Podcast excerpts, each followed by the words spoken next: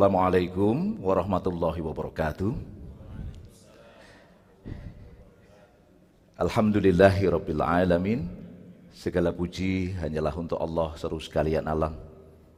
Segala puji hanyalah untuk Allah seru sekalian bumi dengan seluruh isinya, langit dengan seluruh isinya.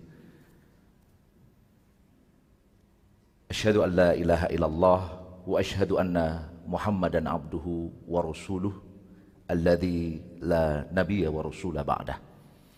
Allahumma salli wa sallim wa barik ala Muhammad wa ala ali Muhammad. Semoga salawat, salam dan keberkahan tercurah kepada Kanjeng Nabi Muhammad sallallahu alaihi wasallam, para sahabatnya dan keluarganya. Bapak Ibu sekalian, pagi yang cerah, suasana yang cerah, energi yang juga semoga cerah. Bagaimana kabarnya semuanya? Alhamdulillah sehat semuanya dan berjumpa pada pagi hari ini semoga dalam kondisi yang sehat pula ya. Baik, Bapak Ibu sekalian, kalau melihat yang di layar maka tertulis kata tolong. Biasanya kalau kata tolong itu permintaan apa? Permintaan tolong, betul sekali. Atau minta bantuan. Ada satu kisah sedikit saja. Tiba-tiba di pinggir pantai ada orang yang mendekat ke laut kemudian teriak tolong, tolong, tolong. Dan dengan cepat kilat juga ada orang yang mendengarnya. Kemudian karena dia berpikir keras untuk segera menolong orang itu, akhirnya dia lari kencang, langsung lompat, bluk. Ternyata lautnya dangkal. Akhirnya apa? Yang menolong tadi jatuh mengenai dasar pantainya, terluka dan benjol. Eh, orang yang ditolong tiba-tiba datang mendekati orang yang menolong ini tadi. Pak, Pak, ada apa? Dia angkat orang yang menolong tadi, yang seharusnya menolong dia angkat, kemudian ditanya, Pak, Bapak kenapa? Loh situ tadi katanya minta tolong. Oh, enggak Pak, saya tadi sedang latihan teater, latihan vokal tolong, tolong, tolong. Kurang ajar. Apa insight sedikit yang ingin saya sampaikan buat Bapak Ibu sekalian dan pemirsa di uh, online? Kadang-kadang membantu juga tidak terlalu tepat. Dan yang paling penting apa? Memahami masalah. Apa sekali lagi? Memahami masalah. Itu akan menentukan solusinya. Kalau salah memahami masalah, salah memahami solusi, ya nggak akan selesai permasalahan. Kalau memahami masalah, nggak memahami solusi, stres ujungnya. Ya. Tapi kalau mem tidak memahami masalah, juga tidak memahami solusi, ya udah mati saja. Gitu kan yang terjadi. Tolong sekali lagi, semoga dengan insight sedikit kata tolong ini kita bisa bersama-sama menemukan apa yang sebenarnya terjadi pada dunia Islam hari ini dan negeri ini. Siap bersama-sama 30 menit ke depan Bapak Ibu sekalian ya? Insya Allah. Baik. Ketika kita berbicara tentang masalah fakta, apa yang sedang terjadi, kita akan berbicara dua kata, yaitu dasen dan dasolen. Iku manganan nopo Pak Agung itu? Itu kata-kata apa itu kira-kira? Ini bahasa Latin, Bapak Ibu sekalian, dasen itu kondisi senyatanya seperti apa? Faktanya kayak apa sih sebenarnya? Kalau orang Sunda, faktanya gimana? Seperti apa? Ya, karena bisa bahasa Sunda ya. Dasolen itu kondisi idealnya seperti apa? Ini yang harus kita jawab bersama-sama. Apa sih sebenarnya kondisi senyatanya Indonesia hari ini dan dunia Islam hari ini? Tapi kadang-kadang orang membicarakan tentang masalah itu ada urutan yang pertama itu. Yang disebut apatis. Apatis itu gimana? Enggak paham masalah mas. Terus solusinya apa? Ya enggak tahu. Begitu enggak paham masalah, enggak tahu solusi apa kira-kira? Diam aja dia. Enggak bergerak dia. Yang kita perlukan hari ini orang masuk ke tahap ketergantungan. Dia mulai pengen tahu masalahnya. Masuk tahap prakritis. Tahu masalah, tahu solusi. Terus nyambunginya gimana? Tahap pembebasan. Dia paham solusi, masalah, dia juga paham solusi. Akhirnya dia be bebas terhadap kondisi yang ada ini. Saya tanya, kita hari ini pengen apatis atau pengen mendapat kebebasan kira-kira? Kebebasan untuk menemukan solusi dan masalah yang ada. Jangan apatis Pak. Kalau apatis, diem aja, nggak mau mikir, ya nggak dapat apa-apa. Setuju kita untuk berpikir hari ini? Oke, baik. Indonesia, negeri Zamur Katulistiwa. Negeri yang luar biasa, saya katakan. Negeri ini luasnya 5 juta kilometer persegi. Daratannya 1,9 kilometer persegi, lautannya 3,1 kilometer juta kilometer persegi. Kalau ditambah dengan zona ekonomi eksklusif, maka luasnya menjadi tujuh setengah juta kilometer persegi. Luar biasa negeri ini. Lautnya semakin luas, daratannya juga agak sedikit sempit. Ah, bukan, tetap sama, tetapi lautnya semakin luas lagi. Kaya negeri ini, luas negeri ini, ya. Untuk membayangkan luasnya negeri ini sederhana sekali. Ini bentangan benua Eropa. Kalau Indonesia terbentang dari Sabang sampai Merauke, dari Mainga sampai Pulau Rote, kita bentangkan di benua Eropa, maka dia membentang dari Inggris sampai Rusia, Pak. Dahsyat negeri kita, luar biasa negeri kita, Bapak Ibu sekalian. Oh, luar biasa. Inilah negeri kita. Zamrud Katulistiwa membentang luas. Tidak hanya itu, negeri ini juga sangat strategis. Negeri ini ada yang namanya Selat Malaka. Selat Malaka bisa kita lihat di depan, maka letaknya adalah di lokasi pas perbatasan antara Malaysia dengan Sumatera. Ini apa Bapak Ibu sekalian? Ini adalah Sea Land on Communication. Apa Sea Land on Communication ini? Satu-satunya perairan utama dunia yang menjadi tempat lalu lalangnya kontainer-kontainer global sejak zaman dulu sampai hari ini. 25% perdagangan dunia melewati selat itu, Pak. Minyak kurang lebih 25 persennya pun melalui selat itu. Belum lagi gas, lalu lalang tiap hari. Lebarnya nggak jauh-jauh amat sih, cuma satu setengah mil. Makanya apa? Kalau tempat itu kita sumbat, tak, kira-kira barat bisa dagang ke timur, timur bisa dagang ke barat nggak Bapak Ibu sekalian? No, tidak bisa. Apakah hanya itu? Tidak. Indonesia punya alur laut kepulauan Indonesia. Yang pertama, membentang dia menghubungkan antara Samudra Pasifik dengan Samudra Hindia. Laut Cina Selatan, lewat Laut Karimata, kemudian melalui Laut Jawa, masuk ke Selat Sunda. Ini adalah alur laut kepulauan Indonesia yang pertama. Tidak hanya itu, alur laut kepulauan Indonesia yang kedua. Alur ini melewati Selat Lombok, kemudian melalui Selat Makassar, kemudian masuk lagi ke Laut Cina Selatan, Samudra Pasifik. Apakah itu? Nah, ternyata punya alur laut ke Indonesia yang, yang ketiga. Yaitu apa? Melewati selat Umbewetar, kemudian naik ke Laut Banda, Laut Maluku, Laut Flores, kemudian masuk ke Samudra Pasifik. Saya mau tanya sekali lagi pada Bapak Ibu sekalian. Kalau empat titik ini kita tutup semuanya, kita sumbat, tak. Kira-kira barat bisa ke timur, timur bisa ke barat atau tidak? Bisa atau tidak Bapak sekalian? Tidak, tidak bisa. Inilah hebatnya Indonesia. Itu yang namanya cuk poin, Pak. Jangan dibalik loh, Pak ya. Poin cuk, nah itu salah itu nanti, Pak. Bahasa bahasa Jawa Timur itu jadi kacau itu nanti. Cuk poin. Oke. Kita lanjut. Tidak hanya itu, Indonesia ini ternyata memiliki bonus demografi. Apa bonus demografi itu Pak Agung? Bonus demografi itu intinya orang-orang yang produktif itu lebih banyak daripada orang-orang yang sudah kakek-kakek nenek-nenek kira-kira begitu dan tingkat ketergantungannya juga semakin rendah Kira-kira kalau anak-anaknya lebih banyak yang produktif, penduduknya banyak yang produktif, kira-kira dia lebih hebat, lebih kuat atau enggak negaranya? Seharusnya. Iya.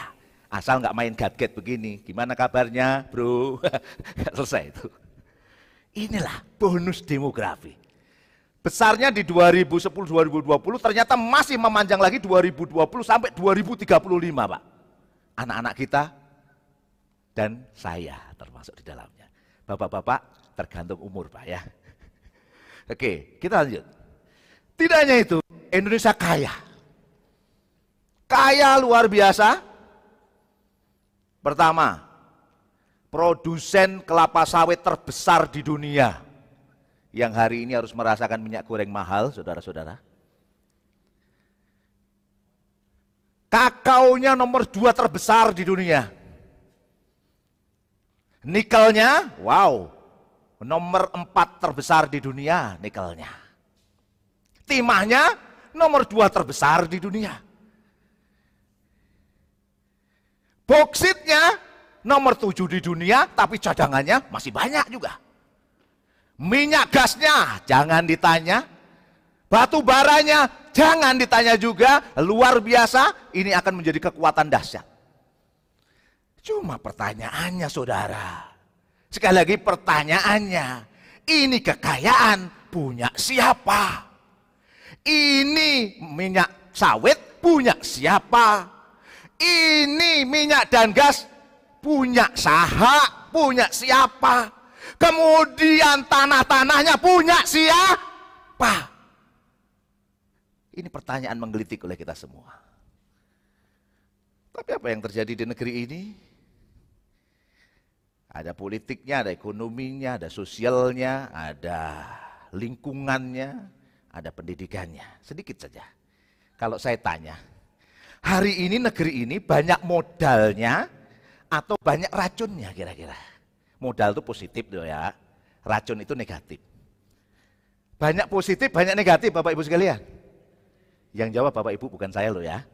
Nanti kita jawab bareng-bareng bersama di tempat ini. Modal atau racun di tengah kita. Kita lihat. Negeri Zamrud Katustiwa. Yang kaya raya tadi, 80% minyak dan gasnya konsesi milik asing berlangsung sejak tahun 49, 67 sampai hari ini Bapak Ibu sekalian. Menyedihkan? Menyedihkan. Batu baranya bagaimana? Swasta, asing, swasta dalam negeri. Semennya bagaimana? Ya, masih ada BUMN. Tapi titik kritis ada di situ. Bagaimana mungkin kita punya sawit banyak, minyaknya banyak, eh minyak goreng harganya naik. Problem kita. Aneh atau tidak Bapak Ibu sekalian? Tanahnya subur, impor beras. Aneh tidak Bapak Ibu sekalian? Bentangan pantainya panjang, harus impor garam. Aneh tidak Bapak Ibu sekalian? Aneh. Problem di tengah kita. Pengen emas tinggal ambil di Gesbek, eh emasnya dibawa lari ke Amerika. Problem lah kita. Nah, anehnya pemimpin negeri ini pun, saya nggak bilang yang ada di gambar saja loh ya, sejak zaman dulu.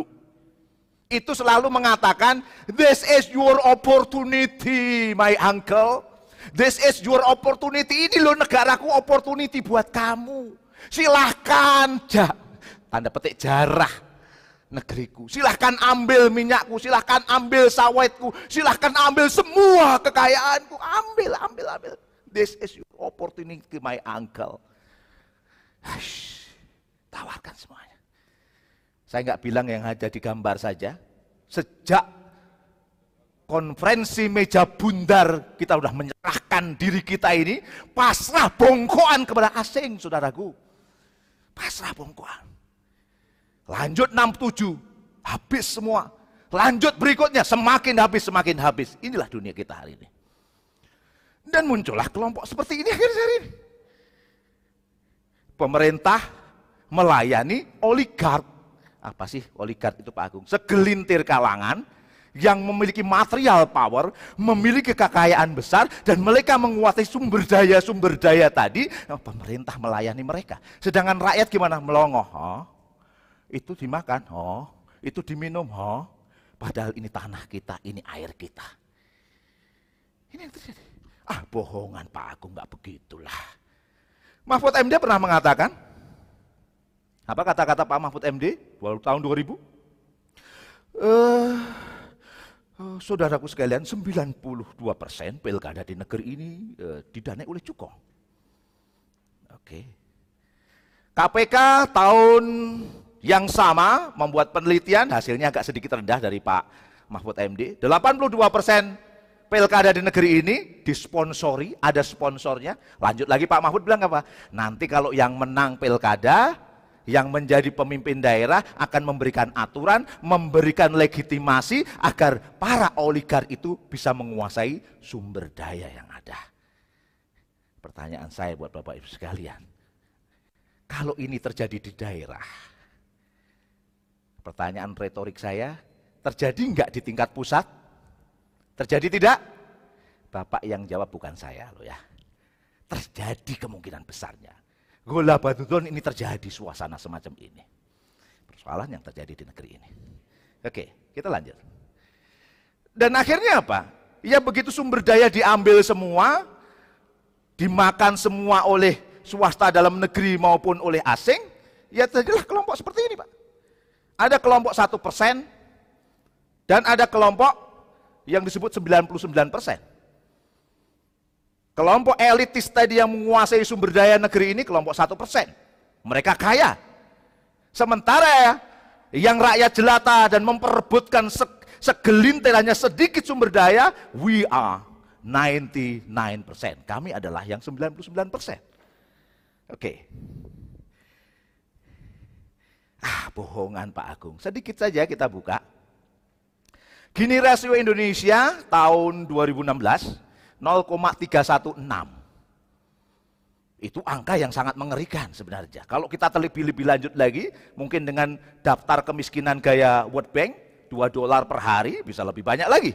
Tidak hanya 0,316 lebih dari itu, mungkin bisa 0,5 0,5 itu dari skala 1 kira-kira 50 persennya itu masalah. Kalau kita bicara lahan, indeks rasio kepemilikan lahan kita itu 0,72. Maknanya apa Pak Agung? Satu persen orang itu menguasai 72 persen lahan. Ngeri tidak? Ngeri tidak Bapak Ibu? Yang di sono, yang dilewat online. Ngeri tidak? Ngeri. Ah, itu udah sama tuh. Oke. Okay. Ya. Luar biasa Pak ini. Kalau kita baca demikian adanya kelompok satu persen itu. Aku mau ngomong apa kira-kira sekarang ini. Dan kenyataan ini. Mau ngomongi IKN, kita buka saja lah calon ibu kota negara yang baru. Milik ini milik negara, HGU milik negara, milik negara. Konsesinya punya siapa? 56 elit politik, elit ekonomi yang ada di negeri ini. Buka saja faktanya, buka datanya. Nggak perlu disebutkan di forum ini tapi nama-namanya ya, lain waktu. Jelas, clear. Mereka lah oligark-oligark itu, mereka satu persen itu yang menguasai berdaya. Terakhir yang paling menarik lagi, masa pandemi. Masa pandemi itu biasanya pekerjaan susah nggak? Susah. Nyari pekerjaan susah yang kena punya pekerjaan pun di PHK. Tapi apa yang terjadi? Kelompok 5 miliar namanya. Warga negara ini yang punya duit 5 miliar ke atas, dia nabung, itu ternyata saldonya semakin banyak. Sementara yang di bawah itu saldonya semakin duduk, Pak. Semakin menipis. Ini semakin men menjadi kenyataan pandemi loh ini. Pandemi. Bayangkan. Akhirnya apa? Karena kekayaan itu dimiliki oleh segelintir orang, negeri ini yang nggak punya apa-apa. Untuk membangun negaranya dia nggak punya duit, nggak punya anggaran. Dan akhirnya apa? Di mana-mana muncul kemiskinan kita lihat. Oke, sebelum nanti bicara tentang utang, kita bicara tentang ada yang terjadi kemiskinan itu. Karena ketimpangannya begitu besar. Nah hari ini, kemiskinan kita ini bukan kemiskinan biasa-biasa, Tapi ada disebut dengan kemiskinan struktural. Dan kemiskinan struktural ini yang melahirkan lingkaran setan kemiskinan. Apa maksudnya itu Pak Agung? Lingkaran setan itu bulat-bulat nggak ketemu ujung dan pangkalnya. Inilah miskin. Kenapa dia miskin? Karena pendapatan rendah. Kenapa? Produksi rendah. Kenapa? Modal kecil. Kenapa modal kecil? Karena tabungan rendah. Miskin lagi dia. Miskin konsumsi rendah, papannya nggak punya, eh, prasarannya lemah, status gizinya rendah, sakit-sakitan, ya, kemudian kesehatannya terganggu, ngantuan, ya, kemudian kinerjanya rendah, eh, produksi rendah, miskin lagi dia kemudian pendapatan rendah, jual beli rendah, daya konsumsi rendah, eh, pengetahuan rendah, kemudian produksi rendah, miskin lagi. Ujungnya mana? Pangkalnya mana? Inilah lingkaran setan kemiskinan.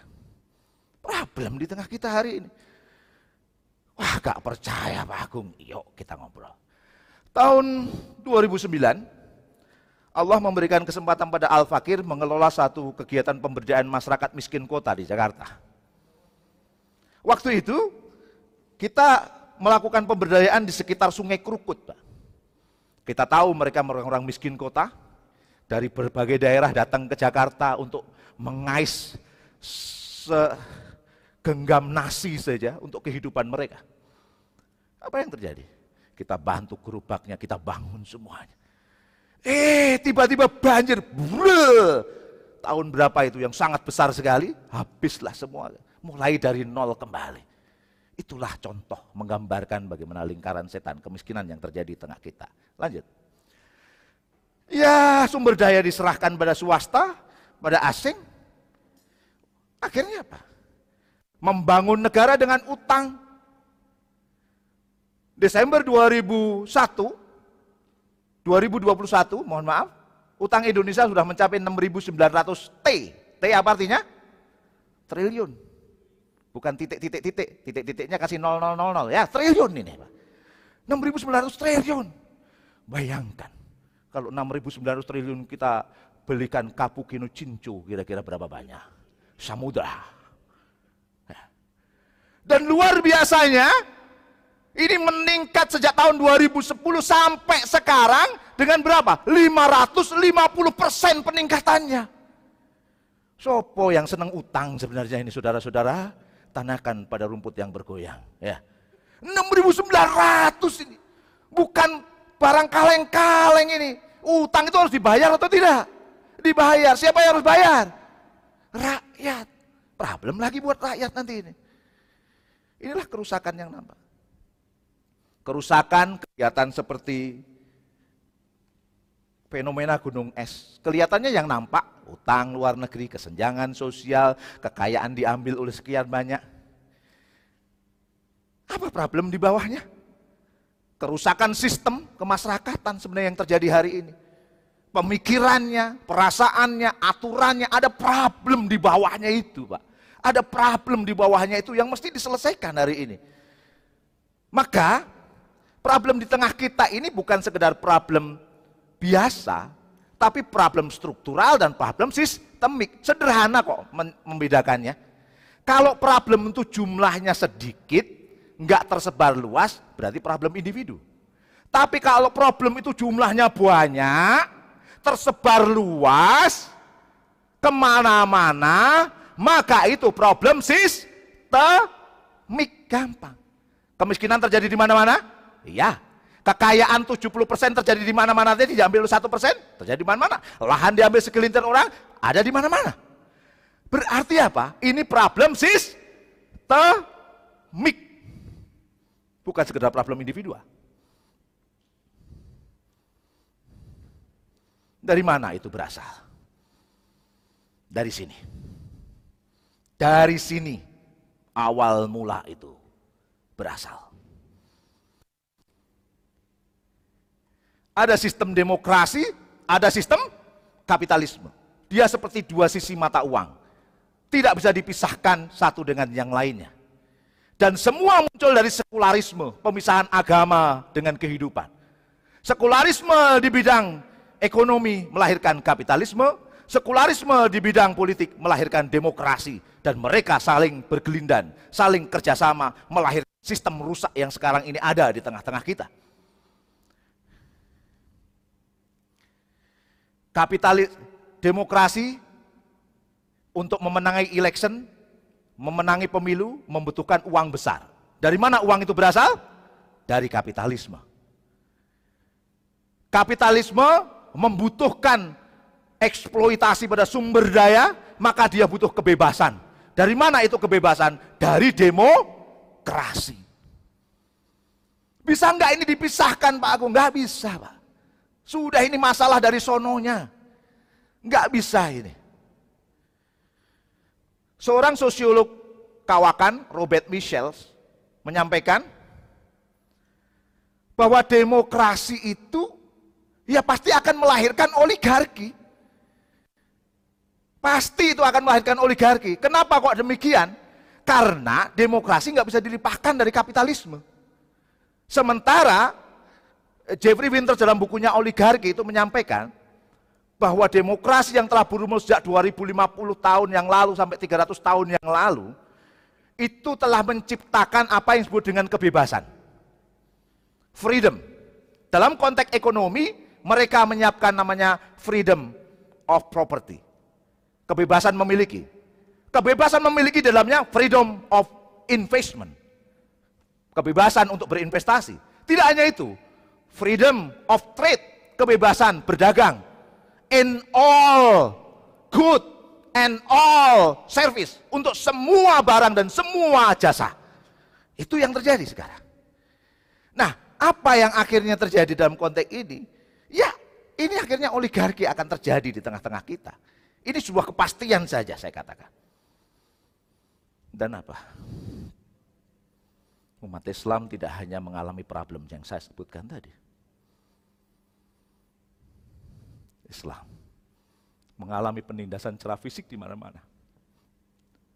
Kita tahu bagaimana saudara-saudara muslim kita di India harus bertahan untuk mempertahankan hijabnya.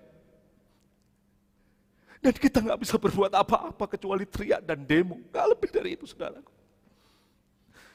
Saudara-saudara kita di Palestina sampai hari ini harus meradang dirinya atas serangan-serangan Israel.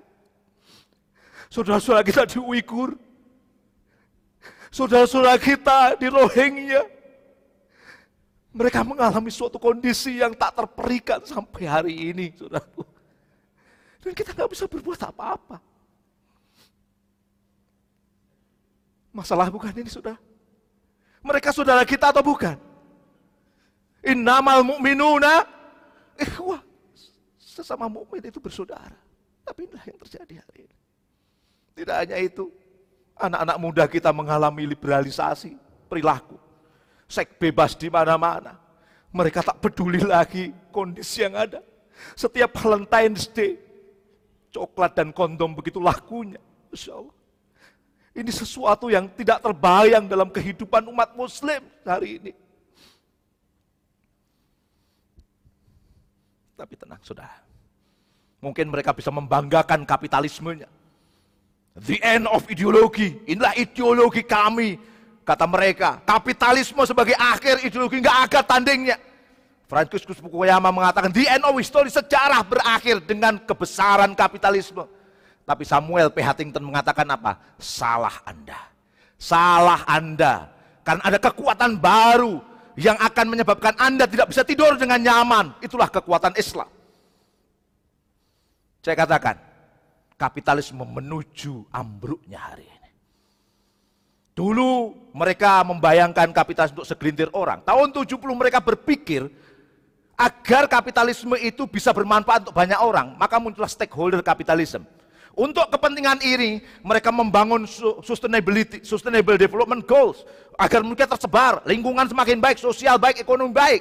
Tapi apakah bisa terjadi? Tidak karena kesenjangan semakin kuat. Mereka ingin melayani masyarakat dengan pola baru, namanya public private partnership. Agar terlayani masyarakat, maka butuh efektivitas dan efisiensi dilakukan oleh swasta. Negara hanya menjadi fasilitator. Tapi apa yang terjadi? Malah memunculkan kelompok yang namanya oligarki. Dan mereka merusak iklim negeri ini dan iklim dunia.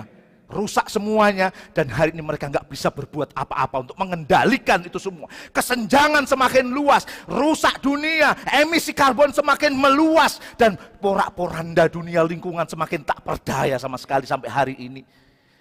Karena nature-nya kapitalisme pasti akan merusak. Mereka ingin bertahan hari ini dengan revolusi industri 4.0 dengan apa? Mereka ingin memanipulasi opini publik.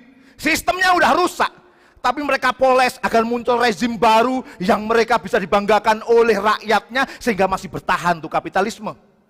Mereka mempersiapkan elemen-elemen agar kapitalisme tetap bisa bertahan. Tapi yang saya katakan, kapitalisme menjerang matinya seperti ayam yang sedang disembelih, Pak. Ketika ayam disembelih, dia bolak balik seperti bergerak-gerak. Tapi apa? Ujungnya akan apa? Mati. Tapi mereka bertahan, bikinlah Islamophobia, Islam moderat, radikalisme. Agar apa? Agar umat Islam tidak muncul, agar Muslim Islam tidak akhir kembali. Tapi mereka lupa. Mereka lupa. Mereka terlambat. Mereka terlambat. Dulu umat Islam mungkin terjatuh. Dipukulin dia mungkin jatuh. Tapi hari ini anak-anak muda Islam mulai bangkit, mulai berdiri dengan wajah cerah, membangun peradaban baru yang mulia, peradaban Islam dengan tegaknya syariah khilafah sebagai penantang kapitalisme. Allahu Akbar. Assalamualaikum warahmatullahi wabarakatuh.